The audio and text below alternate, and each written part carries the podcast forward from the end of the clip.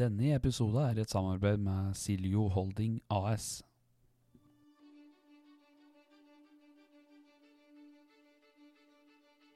Gå veien sammen med dem. Og være en omsorgsperson, være en støttespiller, være en uh, voksenperson, være en kompis, være en bror, en søster. Altså Vi skal ikke gjøre jobben for dem, vi skal gjøre jobben sammen med dem. De skal ha delaktighet i eget liv, da.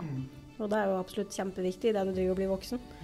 For uh, idet du blir 18, så er du jo på en måte voksen. Men uh, vi skulle an- alle kanskje ønske, når vi ble 18, å ha en litt sånn kompis og støttesetter som har vært der før, da. Ikke være redd å stille ungene dine det spørsmålet. Eller gå og mistenke over lengre tid og bygge opp masse aggresjon eller uh, uvitenhet om hva som foregår om kvelden. Bare ta det med en gang. Du hører nå på Team Up podkast. Mitt navn er Espen Haug, og i et samarbeid med Team Up Helse AS har vi nå laga denne podkasten nettopp for deg. God fornøyelse. Hei, hei, folkens. God mandag. God mandag. Da er det episode Tre. Ja, tre blir det. mm. Og Espen liker å kalle det episode 15, da. Ja. Uh, ja. Funker begge deler. Ja. Vi har besøk i dag òg, vi. Vi har besøk i dag. Mm. Er det, en Av- er det en spesiell episode i dag òg? Mm. For nå skal vi Ja, det er det. Hver episode er en spesiell episode. Ekstra spesiell Mm. spesiell. Vi har med en ganske kjent skikkelse i byen, vil jeg si. Hallo, Jonny. Hallo. Det er tidlig opp om morgenen nå for deg som jobber barnehage. Ja, nei, nå har jeg snudd helt om på døgnet, så nå er jeg blitt morgenfugl. Ja. For en dag. Ja. Ja. Mm. Ja, jeg har vært det i en ukes tid. For vår skyld. Ja. det er bra. Jonny Michaelsen Mhm. og Siljo Holding. Vi har pratet om det før i podkasten. Mhm. Både om eh, ja, Vi har nevnt navnet ditt og, og Siljo, som, eh, som er firmaet ditt. Bedriften din. Ja. Um, grunnen til at vi har lyst til å invitere deg i dag, da, Jonny, det var jo fordi at du, um, du er jo blitt en av våre viktigste samarbeidspartnere og veldig engasjert i det vi driver med, og ungdommene våre. Du har jo hatt um, en ungdom i arbeid ei stund. Uh, en ungdom som for øvrig har uh, slitt en del. Og en av de grunnene til at han uh, fortsatt holder seg på beina, vil jeg si, er at du har vært raus og engasjert. Um, og på en måte gitt den den slacken han trenger, og den pushen han trenger, på en måte. Altså du har jo eh, godtatt mer enn du har godtatt før, tror jeg. For du er ikke en sånn type som godtar sånn altfor mye sånn slinger i valsen, eh, sånn jeg kjenner det i hvert fall. Nei da, det Hva skal jeg si, da? Det er eh, Å være arbeidsgiver er vel omtrent som å oppdra bikkjer, tenker jeg. Du må være rettferdig og real og stille krav. Ja. Mm. Mm. Så har du, en, har du en bakgrunn Du pratet jo litt sånn her før podkasten du spilte inn her, at det var liksom så små tilfeldigheter som gjorde at du enten ble politi eller røver. Ja. Så har du litt vært litt på denne røversida i fra ung alder, kanskje. ja, halve livet. Mm. Ja. Ja. Vi kjenner deg, og vi og jeg kjenner deg, holdt jeg på å si. Vi har jo, det er jo ikke så diger denne byen her. Nei Så vi, så vi vet jo hvem hverandre er, og vi vet jo litt om, eh, om historikken. Mm. Og åssen ting har vært opp igjennom.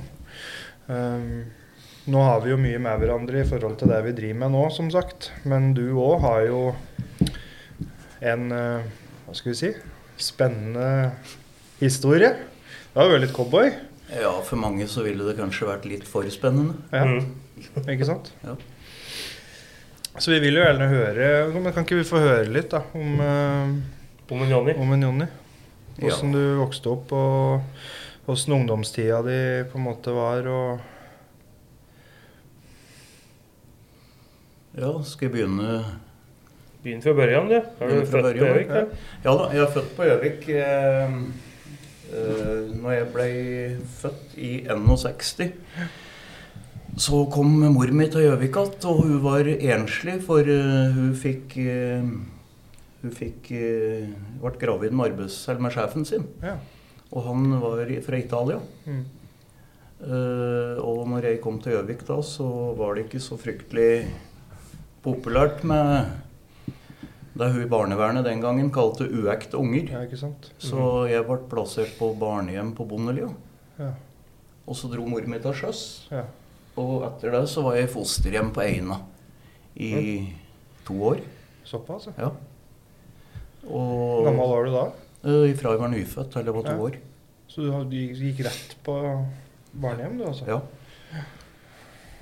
Du var to år på barnehjem først, og så foster. Nei, først seks måneder på Bondelia, og så ett og et halvt år på Eina. Akkurat. Ja. Mm. Så kom mor med hjem igjen fra sjøs, og da hadde hun giftet seg og var i gang med Eller gravid da med mellomste bror min. Mm. Og så kom eh, det som ble stefaren min seinere, da. Som Mm. ble liksom familien. Mm. Så Ja, for du har noen brødre. ja, jeg har to stykker. Ja. Mm. Både hele og halve, har du ikke det?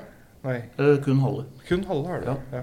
Så jeg har eh, to på Gjøvik og en eh, seks som jeg vet om i Oslo. Akkurat. Skjønner. Ja. Ja, er du, av de tre er du den eldste? Jeg er den eldste. Ja. Ja. Åssen var det Kom du tilbake til mor når hun kom tilbake fra sjøs. Ja. ja. Da hadde hun giftet seg, og da ble vi liksom en eh, familie, da. Mm. Så da var det Sånn. greit i gåsetegn for samfunnet, holdt jeg på å si? At, eh, Ja da, ja. det var det. Var det så jeg var veldig aktiv i, både med idrett og alt mulig sånn i barn og ungdommen. Mm. Men Åssen uh, gikk skole og sånn, da? Nei, den gikk sånn passe. Mm. Jeg var eh, utålmodig, så jeg var flink i sløyd og gym og forming. Mm. Ja. Og glad i å bruke hendene òg. Ja, Jobbe, liksom. ja, og kroppen. Mm. Alt annet var jeg vel Ja. Musikk så fikk jeg beskjed om at det var bedre at jeg sto på gangen enn at jeg drev og plagde de andre med blokkfløyte.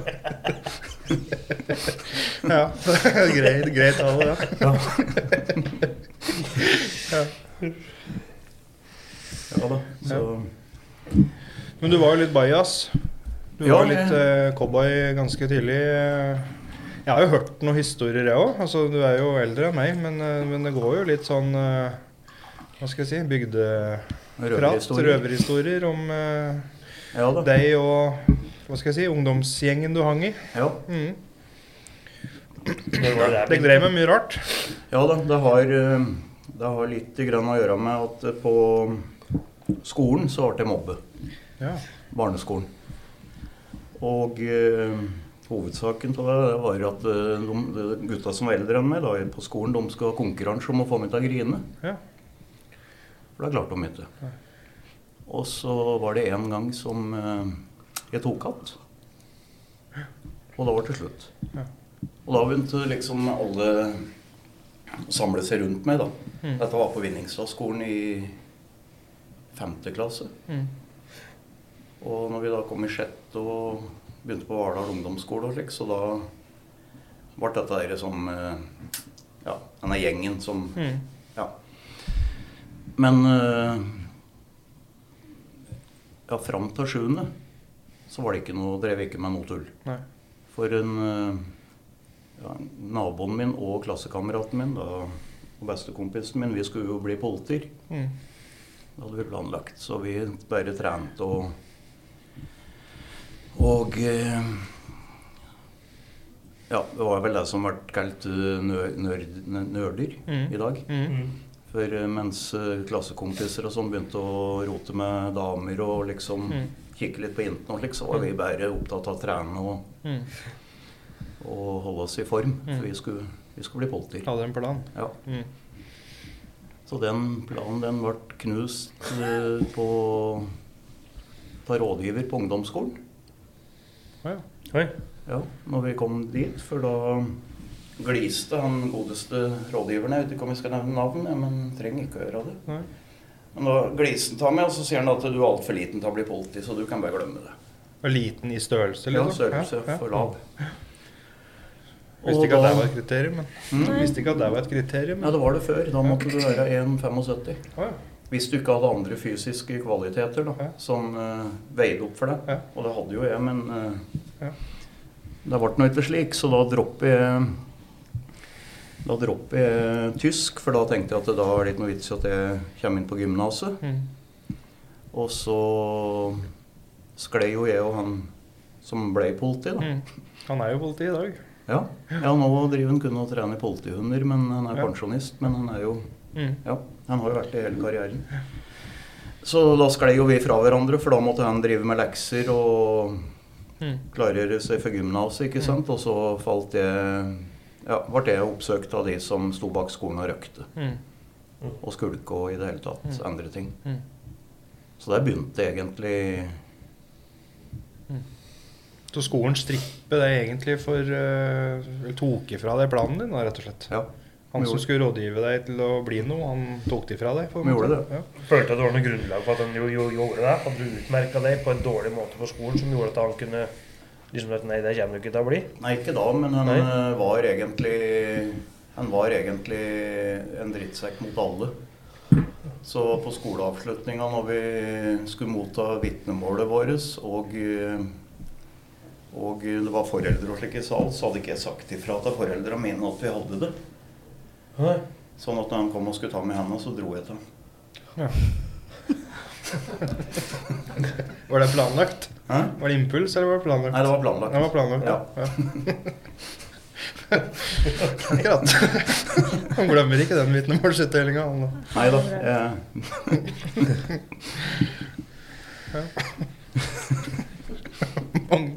Uff, er fælt å glise. Var det vitnemål til det i ungdomsskolen? ja.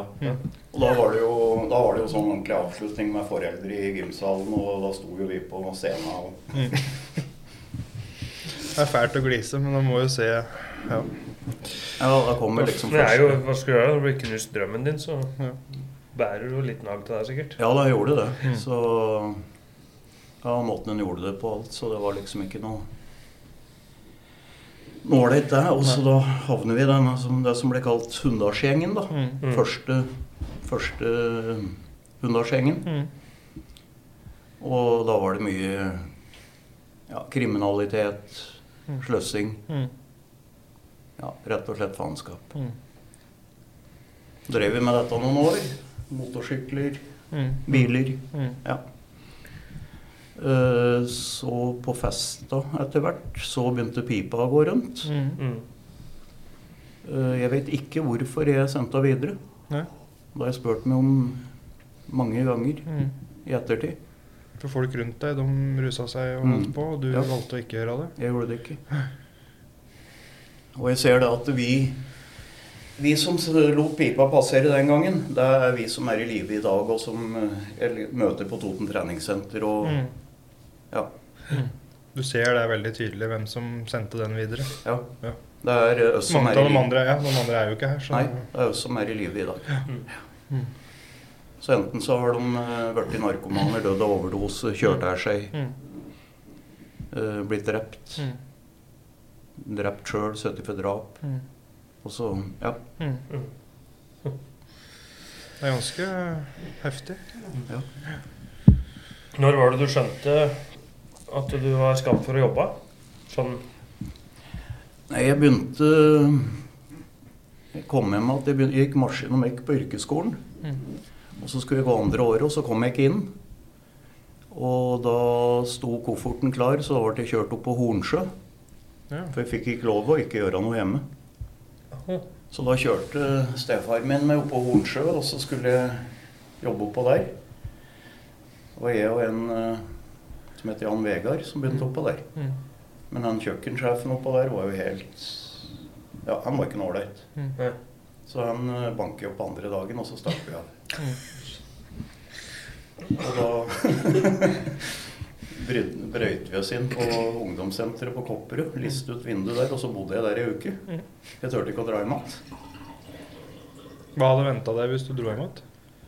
Eh, Hva er det du frykta, holdt jeg på å si? Eller hva er det du møter skammen, eller? eh, Nei, det var vel uh, juling og Ja. Mm.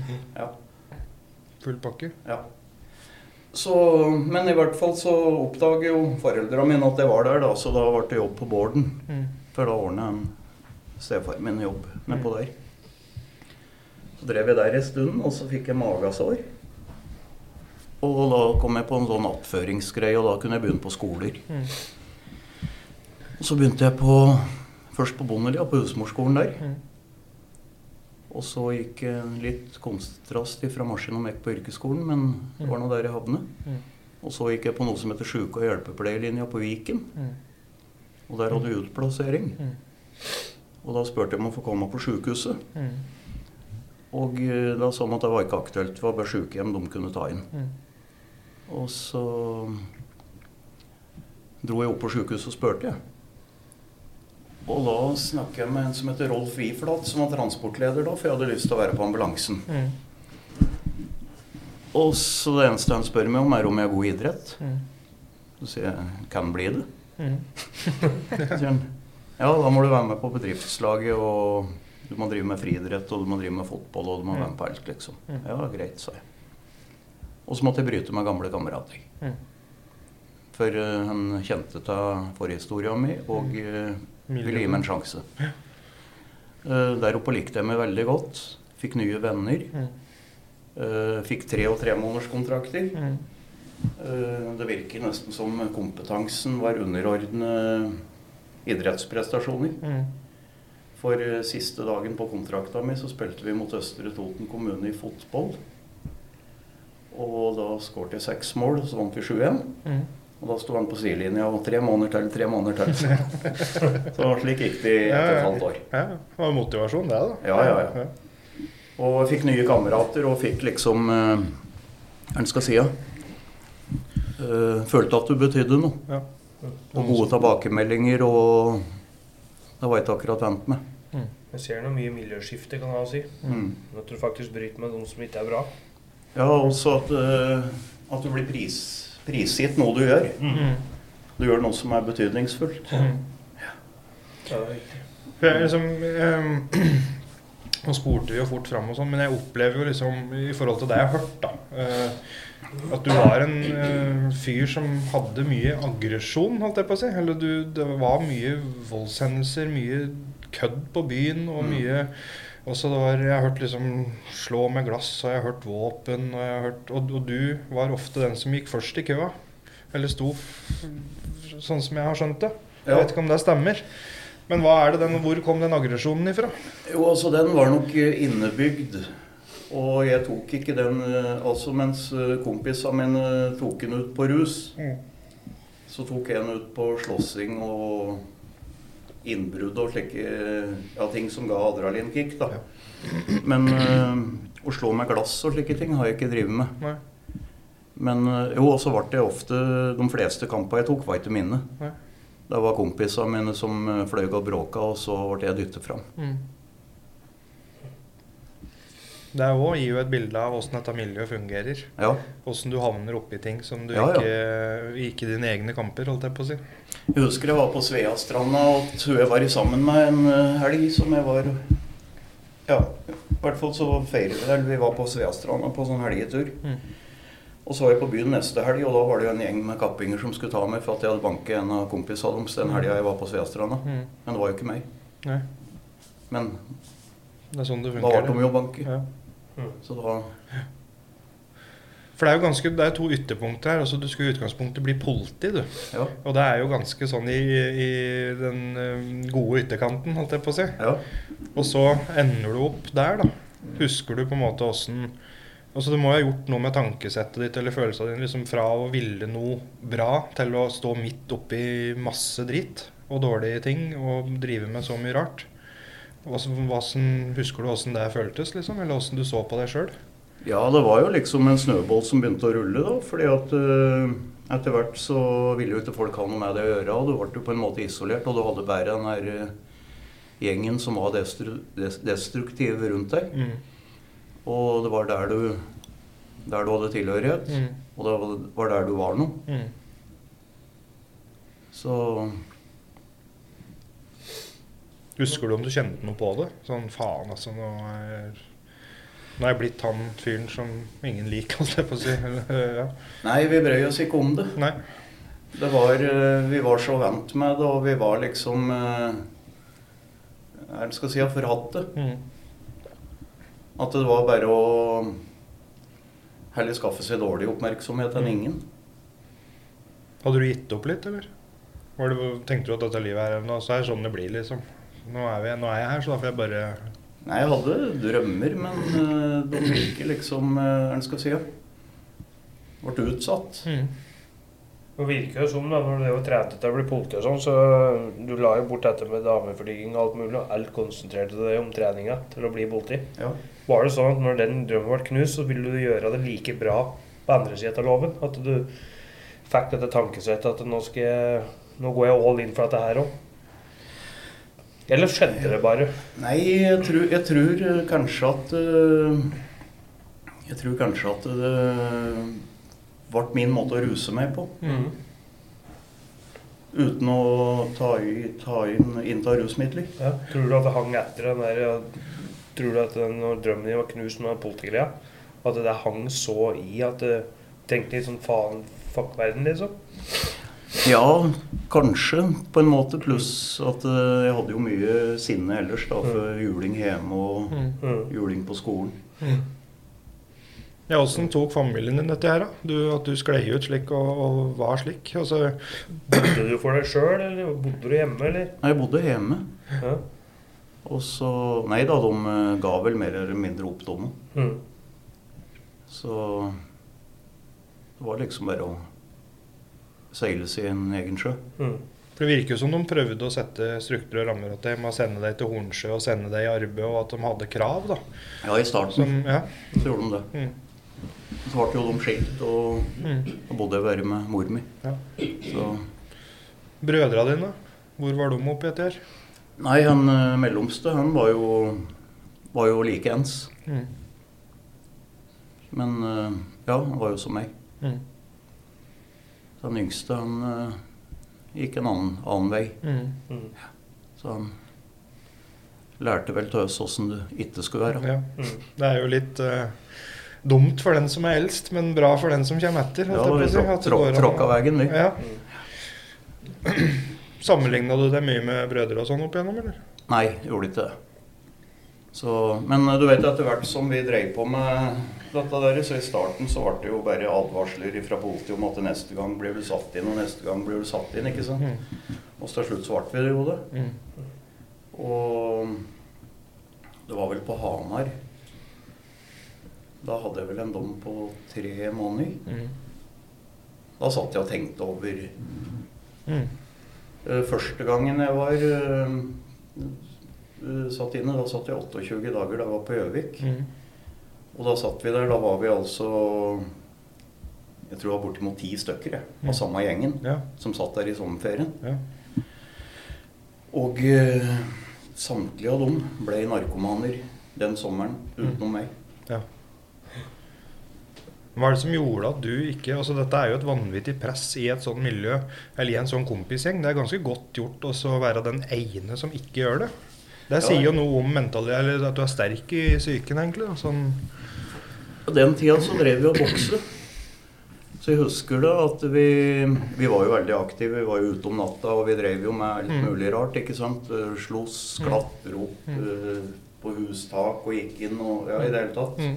Eller hustak, altså Mm. bygninger. Mm. Og så husker jeg godt at uh, doktoren kom inn andre dagen vi var på, satt inne, og så sier han at uh, spurte han åssen vi sov. Nei, så er vi jo dårlige. Du sitter jo på cella 23 timer i døgnet. Mm. Ja, men da kan du få en sovetablett. Mm. Og da tok jo gutta imot. Mm. Men jeg ville ikke ha det. Ja.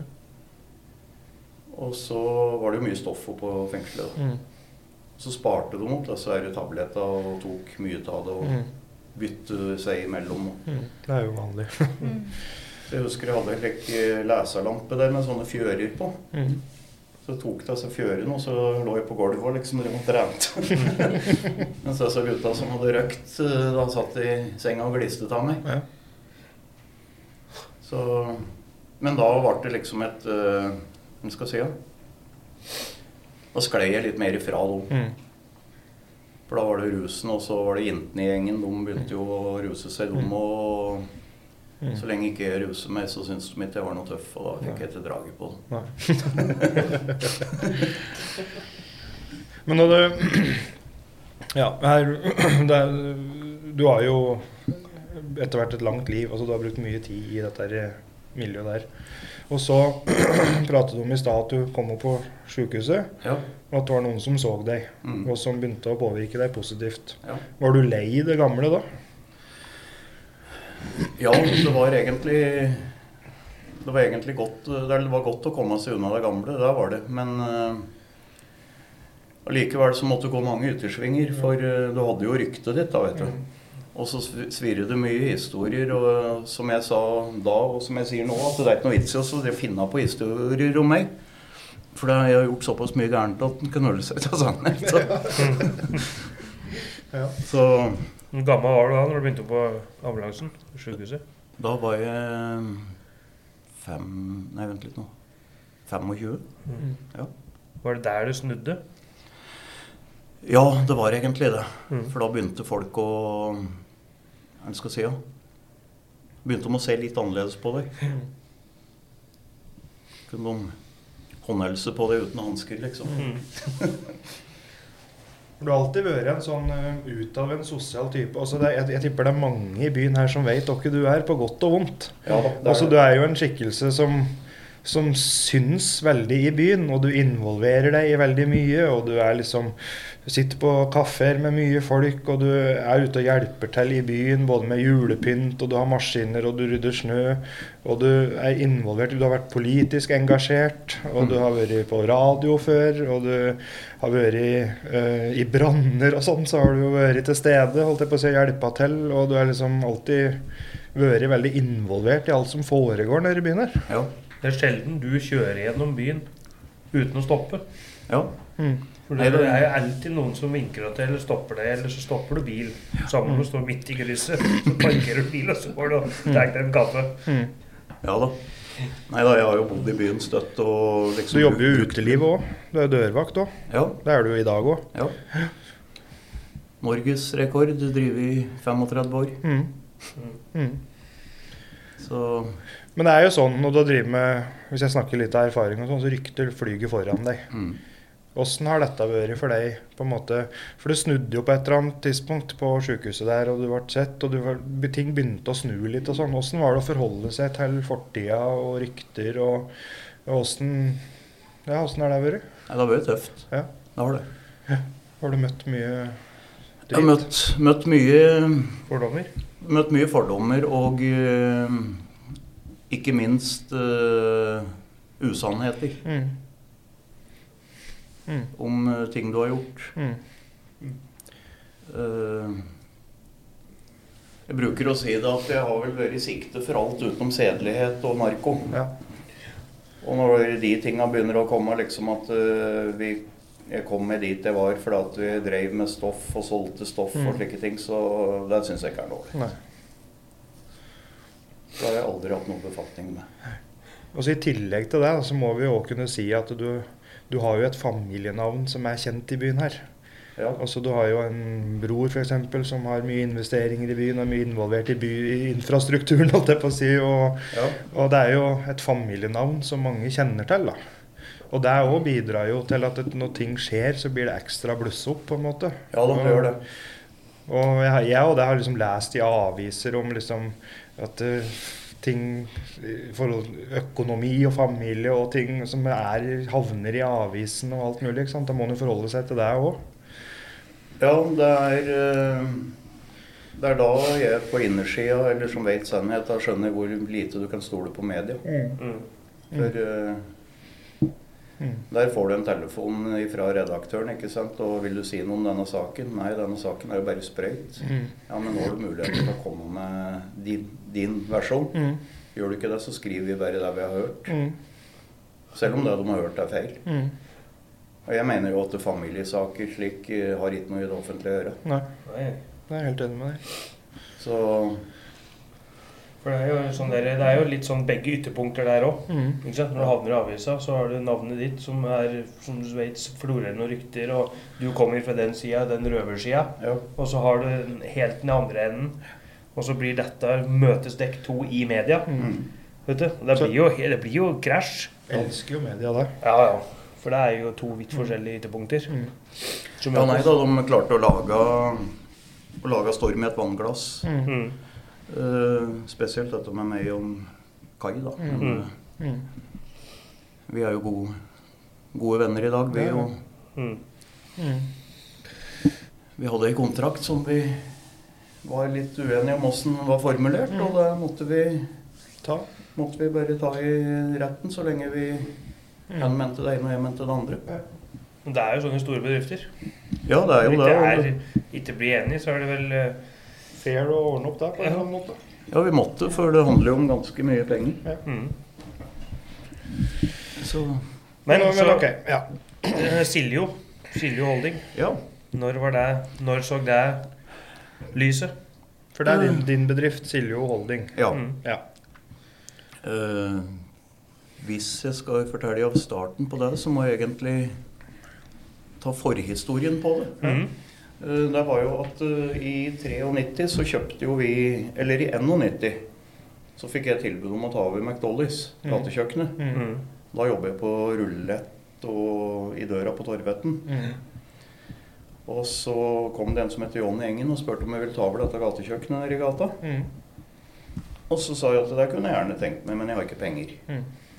Og så sier han at uh, du kan få leie det på krita til du har Mm. kommet à jour Mm. Mm. på leie og varebeholdning. Mm. Og jeg kunne jo ikke eie noe, for uh, jeg fikk vel ikke lånt såpass som en kulepenn i banken. så, så da hadde jeg en samboer som eh, vi satte gatekjøkkenet på. Da. Mm. Da begynte vi på Dollys, og eh, der var det spilleautomater. Mm. Og da var han Kai i Houston, og Svein Erik var i Sibir. Mm. Brødra dine, altså? Ja. Mm. Uh, og så ringte jeg dem og så spurte om de ville bli med på dette sirkuset der med spilleautomater. Mhm. Men ingen av dem hadde råd til dette der da, så da sa jeg at jeg tar inn såpass bra at vi kan, vi kan uh, avskrive det. Mm. Så er de bare med på det, og så får jeg alt for det de koster. Mm. Og der startet det med automater, og så da kom jo de til Gjøvik igjen, og så begynte vi med dette. Så det endte det jo med at vi hadde ja, 70 automater til slutt. Mm. Og så kjøpte vi den første bygården, Mm. og så ballet det bare på seg. Mm. I 2013-2012 det ble uvennskap mellom uh, Mm. Brødrene mine. Mm. Så jeg kom imellom barken og veden. Mm. Og så hadde vi jo like mye alle sammen. Mm. Så jeg visste jo at jeg måtte jo bli uvenn med en av dem, Mm. selv om det ikke var min match. Mm. Eh, Så da ble jeg lei. Samtidig som jeg hadde ikke noe å gjøre. Firmaet begynte å gå bra. Det var, vi hadde kontordame, vi hadde vaktmester. Altså Mm. slutt på ting jeg kunne gjøre. da. Ja, ja. Uh, Tidligere så hadde jeg jo kjøpt en liftbil som jeg hadde solgt. Mm. Så sier jeg til Silje, da, kona mi, at uh, kanskje jeg skal late som vi ikke er aksjonær i det hele tatt i MMC. Mm. Og så kjøper jeg til en liftbil, og så begynner jeg å jobbe i Begynner å jobbe med de tinga der. Mm. Og så prøver vi å opprettholde den livsstil vi har, og ser om det går. Mm. Så da tok jeg et utbytte, eller lån i firmaet, og så kjøpte den bilen. Og så begynte jeg å jobbe. Da var det liksom starten på Mm. Siljo, da. Mm. Og så kjøpte jeg en sånn liten snørødder. Mm. Så da hadde jeg sju kunder, husker jeg, første året. Mm. I 2014. Mm. Og så var det 18 år etter. Mm. Og så ble det vel 28. Ja. Nå har vi 300. Ja. Og sju maskiner. Begynte folk å stole på det, da, tross ryktet ditt og Ja da. Og så jobber jeg jo hele tida i døra. mm. Og fikk jo veldig mye bekjentskaper der. Mm. Og etter hvert som, en, eh, som den dørvaktbransjen gikk ifra å bli Hva skal jeg si? Ja, forandre seg til at vi var cowboyer, til å bli serviceinnstilte. Ja, for den eh, reisa var jeg med på. Ja, For jeg var jo cowboy, og det var Mats òg. Mm. det var jeg òg. Ja. Jeg, jeg, jeg fikk ikke jobb i døra noe mer når det begynte å bli sånn service-minded yrke. Nei. Politiet kom jo til meg i døra en lørdagskveld. Da sto det 50 meter med kø eh, på en lørdagskveld. Klokka var 12.30 ett. Da kom politiet. Da sto jeg med køa, og så kom politiet og nappet dørvaktsskiltet av hersen på meg. Ja. Det var, eh, da fikk jeg ikke lov mer. Det var jo som før, vet du, at den som slo ned flest på fredag, fikk eh, jobbe på lørdag. Ja. ja, Det er bra det ikke er Ja. Det har forandret seg helt, den der kulturen, Kultur. kulturen der. Ja da, og så når jeg Når det ble seriøst, da det ble PSS Securitas, Mm. så ble jo jeg med på lasset fra noe som heter Safe Security. Mm. Men i PSS og Securitas så er de jo veldig strenge på vandel og Mm. slike ting. Mm. Så er du voldsdømt da, så er du ferdig. Ja. Men eh, av en eller annen grunn så Så passerte jeg, da, så jeg fikk nå denne brikka. Men Mm. eh, ja, jeg vet ikke hvorfor, men eh, Kan denne tida hadde hjulpet deg litt? Hmm? Kan denne tida hadde hjulpet deg litt? Tida hadde nok hjulpet meg litt, og så samtidig så hadde jeg drevet en del år uten, uten tull, da. Mm. Så jeg fikk nå lov å fortsette, Mm. og der er jeg nå. Mm. For du starta Siljo, og det har jo egentlig vokst, eh, som du sa i stad. Ja. Det har jo Hva er det, eh, hva er det Siljo driver med? Uh, Vi driver med Vi begynte egentlig med fasadevask og sånn eh, utvendig vedlikehold Mm. i, og høydeoppdrag. Montering Ja, i det hele tatt alt som Mm. Alt vi gjør fra stega. Ja. Uh, og så ble det litt snøtt med ting å gjøre på vinteren, da, og da ble det litt snørydding. Og så har det bare ballet på seg. Så nå er det alt innen vaktmestertjenester og ja. Jeg vet jo, jeg husker er mye i, liksom i ungdomstida sånn, hvis jeg trengte hybel eller leilighet fort, så var det Jonny jeg sendte melding til. Mm. Ja. For det var liksom, det var, det var det valget jeg hadde. At det der er en som, ja. Mm. Så jeg husker jeg hadde noen sånne korte samtaler med deg angående som måtte ha noe leilighet fort eller hybel fort. Og. Men så satt vi jo på kaffe en dag nå i senere tida, og da var det jo naturlig at Jonny kom inn, og så så Jan Lars på han, så var jeg men vi må jo høre med Jonny om du kan ta en ungdom i arbeid. Mm. Det var jo naturlig, det òg. For det er en som Vi er jo alltid på utkikk etter engasjerte folk. Og så er det jo en bonus at folk veit litt hva livet har å gå i. Eh, Men samtidig så må du være såpass på plass at du eh, er utelukkende positivt eh, det du kan bidra med. Da, og ikke står med én fot i hver leir, holdt jeg på å si. Men at Mm. du har lagt det gamle bak deg og fått gjennomarbeida det. Og så og driver med noe fornuftig, da. Um, og så var det jo, visste vi jo ikke helt åssen du stelte deg til det, men som Mats sier, når vi satt på lunsj der og så du gikk inn, så tenkte jeg faen, kanskje vi skal For vi kjente jo til det, som sagt. Vi har jo alltid kjent hverandre. Altså Vi har Ja. aldri hengt sånn på fritida sånn sett, men vi har jo alltid pratet sammen og alltid kjent hverandre. Så det var liksom naturlig å prøve seg litt i forhold til at du drev denne bedriften, da, som har vokst veldig og gjør det bra. Og, og høre litt åssen du stiller deg til å bidra inn i det vi driver med, da, i forhold til arbeidsplasser og de som sliter litt og detter utafor. Det er viktig ja, Du har jo fått kjent livet på kroppen, på en måte. Ja da, har jo vært med litt. Grann, og så har jeg vært Det jeg egentlig har vært mest engasjert i sånn På den sida der, det har jo vært dyrevern. Mm. Og det var jo derfor jeg gikk inn i politikken. Mm. Men eh, jeg, jeg husker ikke når, men det måtte være i 2008 eller noe sånt. Jeg meldte meg inn i Fremskrittspartiet. Mm. Og eh, da var jo ikke dyrevern på tapetet der i det hele tatt. Og da foreslo jeg for lokallaget vårt da, at eh, vi skulle gå for dyrepoliti. Mm. Og da var det et par av disse jentene som var litt positive til det, men ellers så var jo ikke det noe tema i det hele tatt. Men så ble både Søndre Land og Vestre Toten og tente på den ideen. Mm. Så på fylkesårsmøtet i 2013, tror jeg det var. Da var jeg formann i Gjøvik, og da hadde jeg Sylvi Listhaug til Bors Mm. på Fagernes hotell. Mm. Og da var det to ting jeg tok opp med henne som jeg Da var hun landbruksminister. Mm. Da var det to ting jeg tok opp med henne som jeg ville ha gjennom. Det var dyrepoliti, og det var forbud mot pelsdyr. Mm. Dyrepoliti kunne jeg få, men ikke forbud mot pelsdyr. Mm. Så hun var stri på det. Mm. Og Så den tar jeg på min kappe med Mm. dyrepoliti. Mm. Det, Kult. Ja. Men det sier jo meg noe om at du ønsker å hjelpe dem som ikke har en stemme sjøl. Altså, du kan jo overføre dette. Altså, dyr sitter her og ikke klarer å si ifra. Altså, Ja. De har det, holdt jeg på å si. ja da. Og samme som, som vi òg jobber med ungdom som sliter med å bli hørt, og som faller utafor og ikke finner sin plass da, i, i samfunnet. Det blir mye det samme. Mm. Det gjør det. Mm. Ja, så vi, vi tok jo kontakt med Jonny. Mm. Pratet med han da. Og hadde en kandidat Mm. som var eh, Som vi visste hvis det var en, et, et ordentlig arbeidsgjønn Altså, Mm. Han kom fra en bakgrunn hvor han jobbet på gard som 12-13 år gammel og kjørt mye maskiner og visste at det, det lå inn. da. Mm. Men vi har den jo i Team Pause for en grunn. Mm.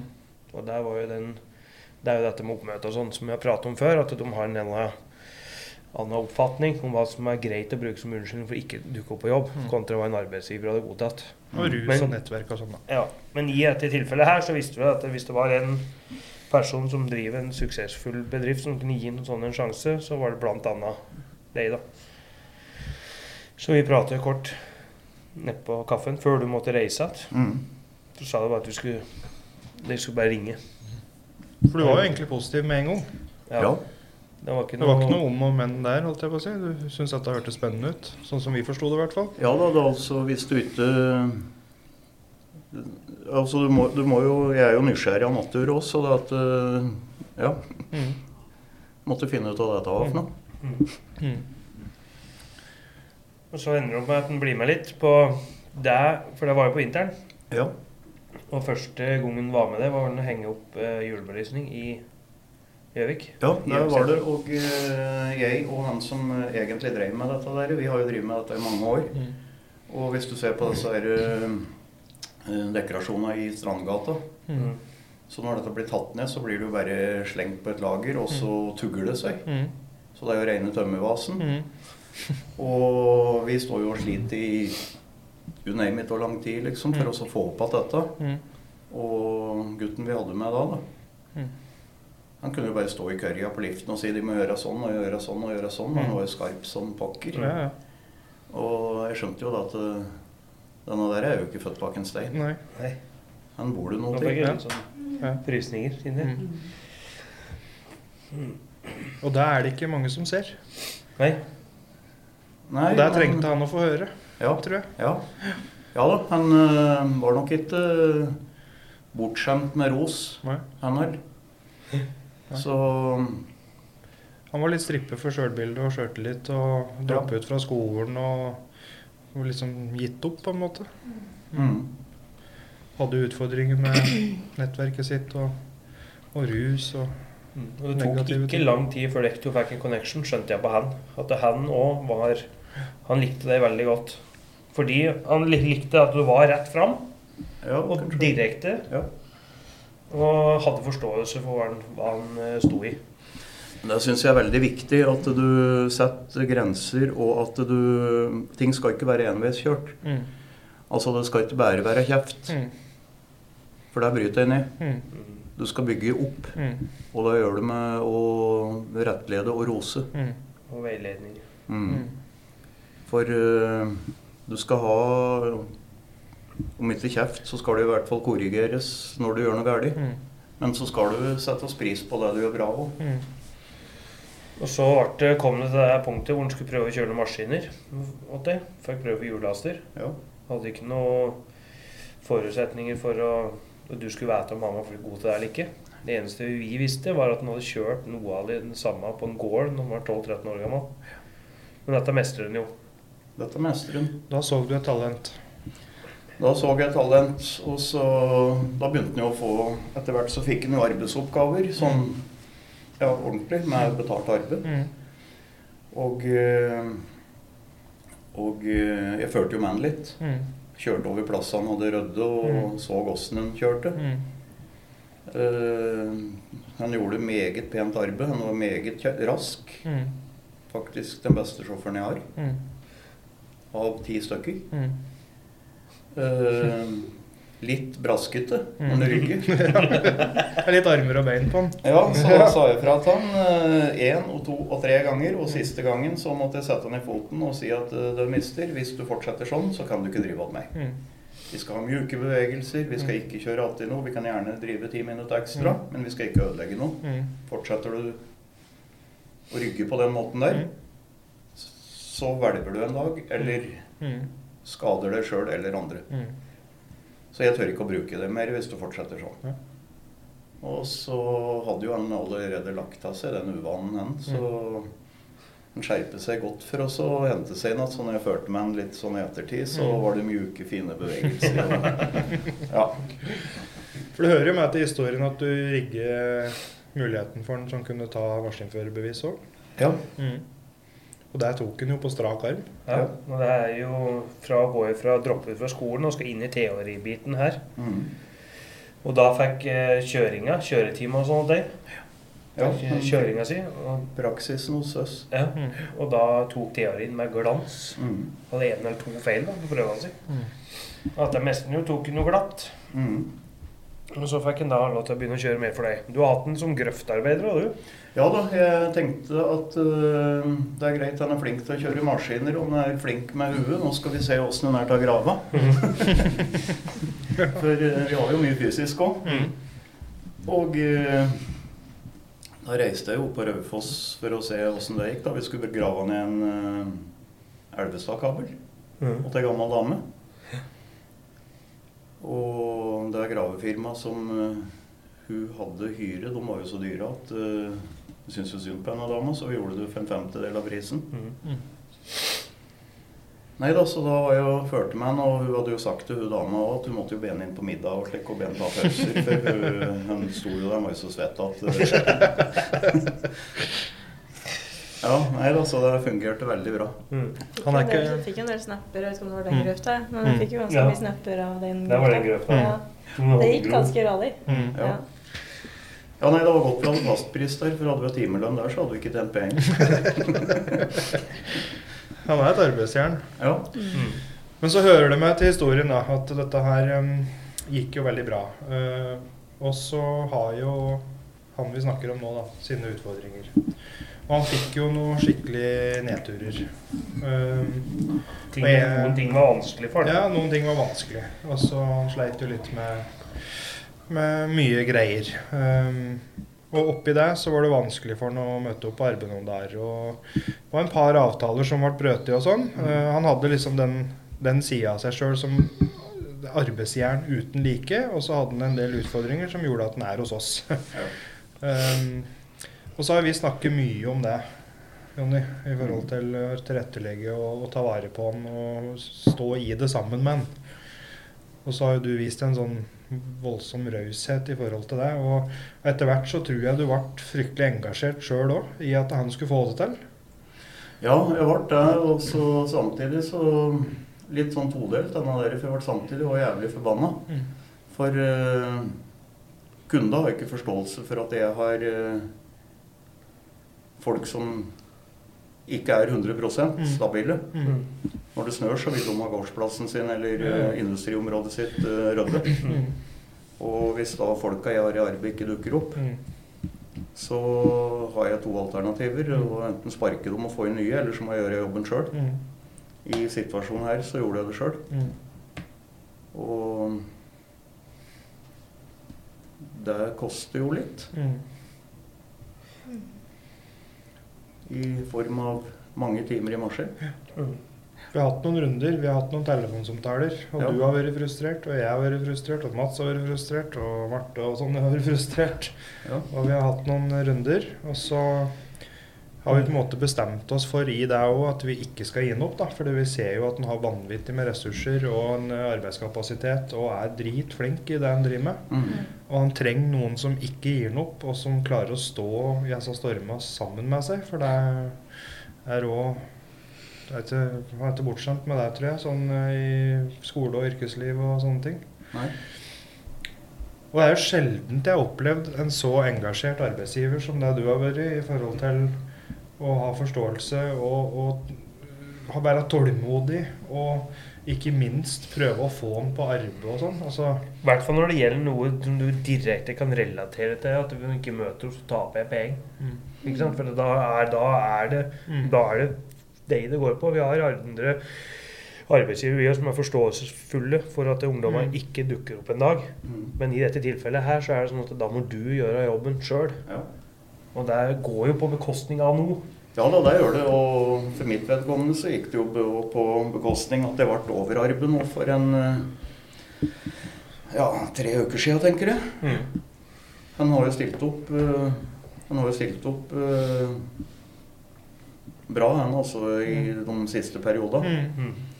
Men det var sånn at når jeg kom hjem at, etter eh, 18 timer, så hadde du ikke sjanse til å få sove. Nei. Og eh, du visste du skulle på jobb igjen om kveld. Mm. Og du kunne legge av deg og slå av telefonen og ha liksom eh, 40 SMS og Mm. 30 ubesvarte anrop. Mm. Og folk som lurte på hva det ble av deg. Mm.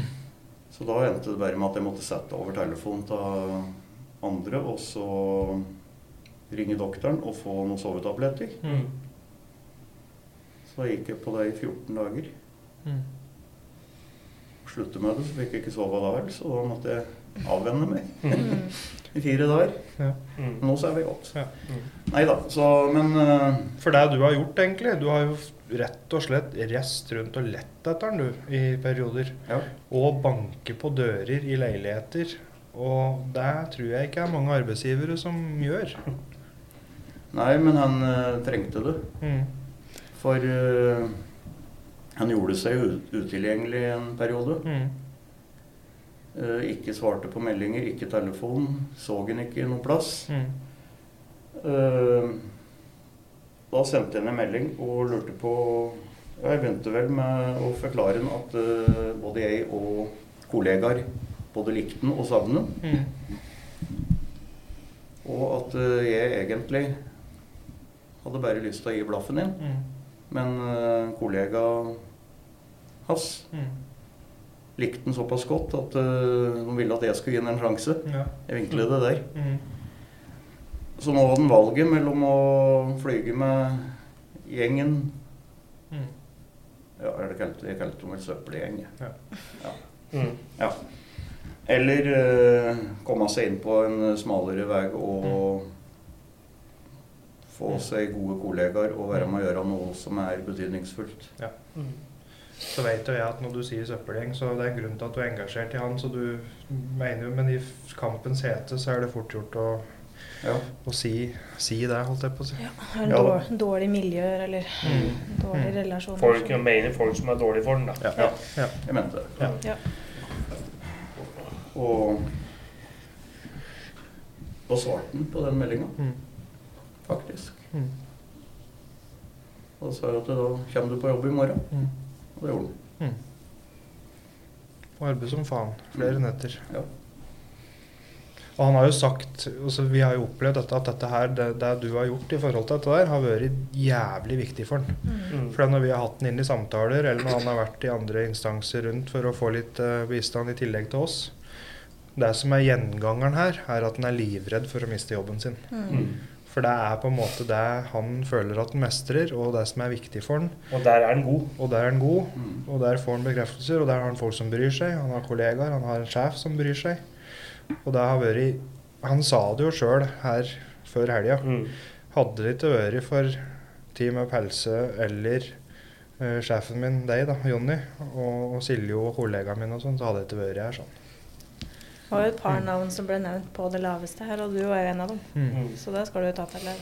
Det var uh, sterkt. Mm. Mm. Og du har jo hele tida vært uh, pådriver på at han skal tilbake igjen. Han kommer tilbake igjen, og han skal inn til jobb. Og, Ja da, Mm. han skal det. mm. For uh, altså ressurser og eh, arbeidsjern som eh, er villige til også Ja, jeg kaller dem hverdagshelter. Mm. For de jobber på tidspunkt som alle andre Mm. sæv eller er ute og koser seg. Mm. Og sørger for framkommelighet. Mm. Og i det hele tatt Mm. at alle andre kan bevege seg trygt. Ja. Uh, nei, altså disse ressursene vokser ikke på trær, og han er en av dem. Mm. Så det skal en ta vare på. Og jeg tror at det er Altså dette her er jo litt sånn eh, Det vi jobber etter. Det er å finne riktig uh, vei for uh, hver og enkelt. Ja. Finne det som de mestrer. Uh, finne folk rundt dem som ser dem, og som gjør litt ekstra for at de skal komme dit de vil komme. Og det gjør vi med han, og det gjør vi med mange andre.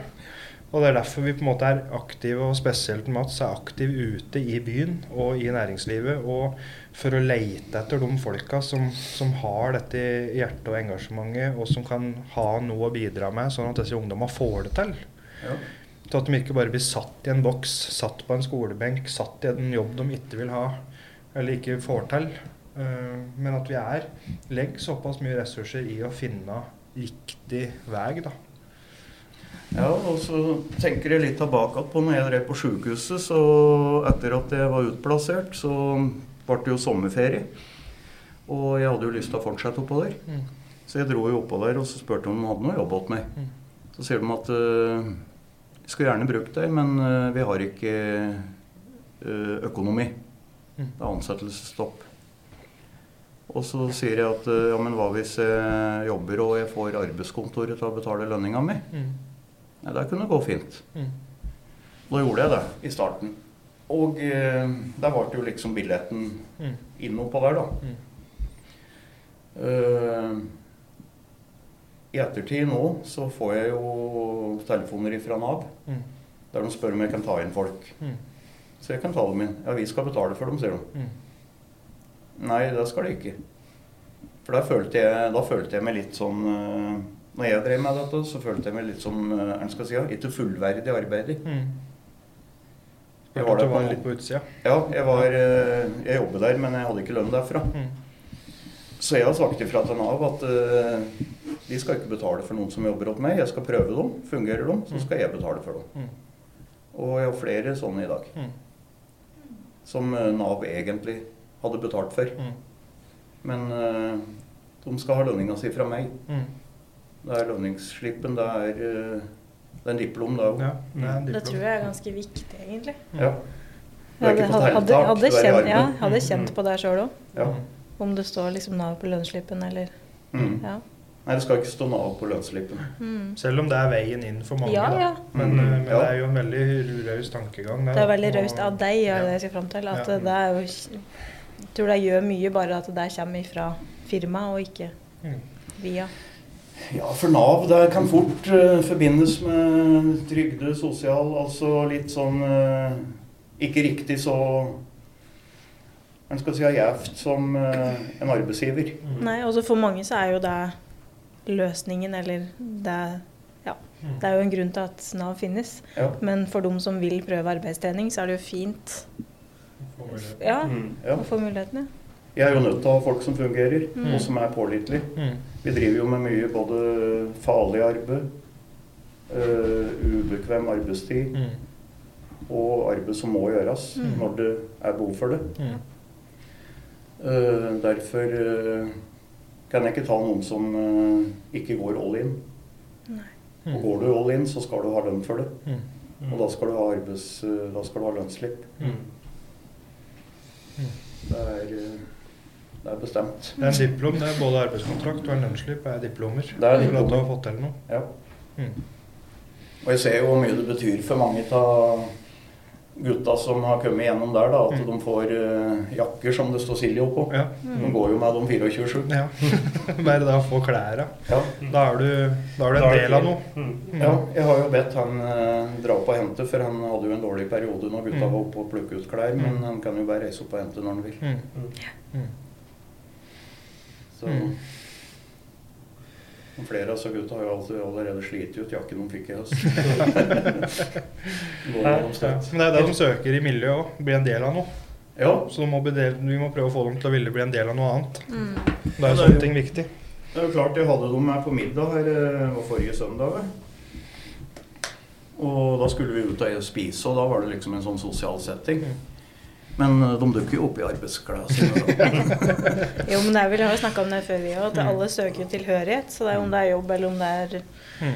fritidsaktiviteter, eller Mm. hva enn det er. Ja, uniform. Men vi kler oss jo med en uniform, og det er jo undersøkelser som viser at hvis du er i en vennegruppe òg, så klær du, du klær deg likt. Du kjøper like klær og like farger, og du liksom prøver å bli lik dem du liker, da. Ja.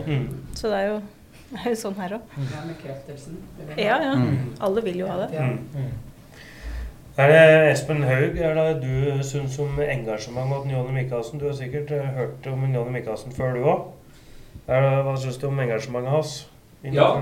Jeg har jo eh, hørt eh, om deg før, jeg òg. Har jo møtt deg utafor Chaplin flere ganger før i tida. og sånne ting. Men jeg sitter igjen med en veldig, veldig god følelse rundt dette at du gir folk muligheten. da. Mm. Eh, At du er såpass raus som du er, det sier jo veldig mye om åssen du er som person.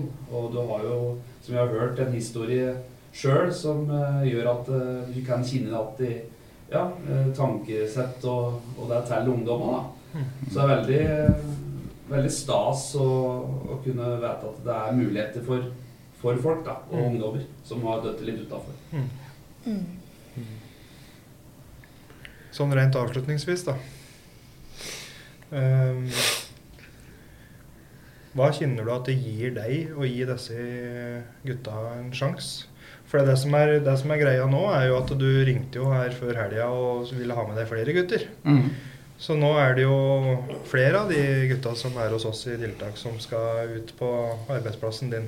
Ja, i morgen så begynner vel tre stykker å måke snø oppe i Snertingdal. Ja. Måke tak Mm. for eh, Boligstiftelsen og Gjøvik kommune. Mm.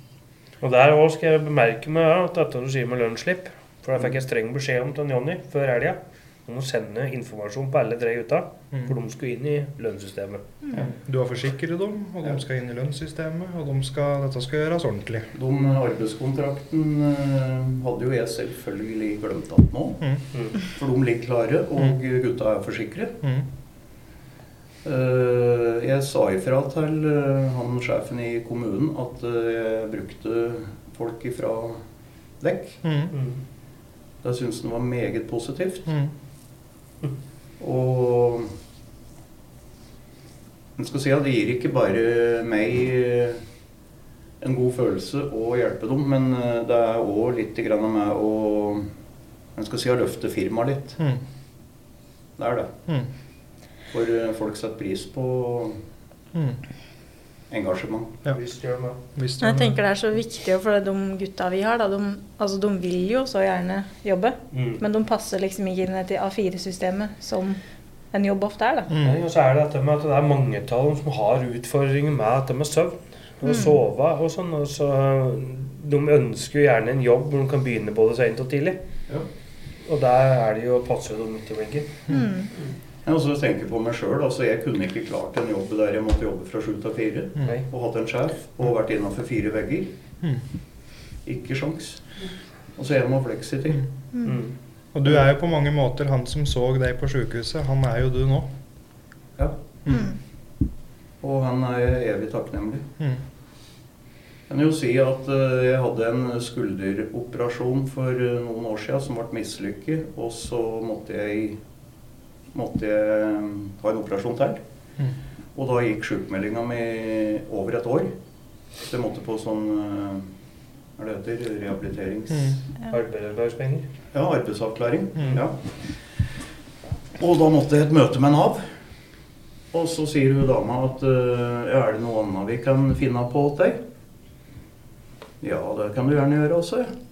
Men jeg har eh, tre-fire Mm. krav. Mm. Ja, hva er det altså? Eh, Jeg skal flekse i arbeidstid, så jeg skal aldri begynne før ett om dagen. Jeg skal kun ha utearbeid. Jeg skal ikke ha noe sjef. Mm. Og jeg skal ha 1,3 i året. Mm.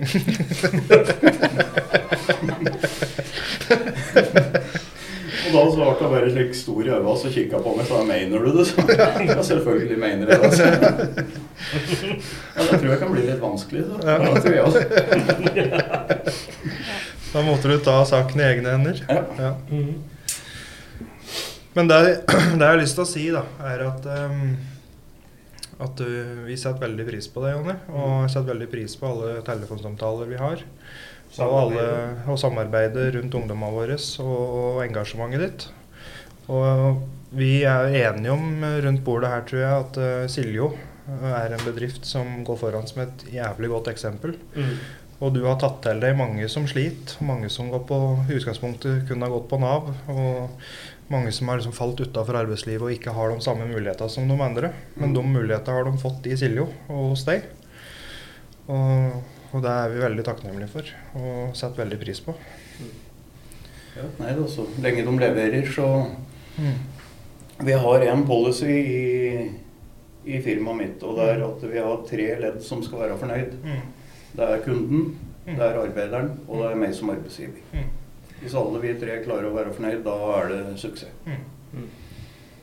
Da vil jeg si da, at hvis folk trenger å ta ned noen trær, eller trenger noe snømåking eller vaktmestertjeneste og sånn, så Vasking kan av tak. vasking av tak, takrenner Hvis, eh, hvis folk trenger det, så kan det faktisk hende at det er noen av ungdommene våre som uh, kommer og gjør det. Mm. Ja, det skal du ikke se bort ifra. Mm. Jeg så jo faktisk Jeg har en nabo som dere strødde hos når du da tok denne jobben selv. Så jeg så jo at du var ute sjøl. Mm. Seint på kveld. Mm.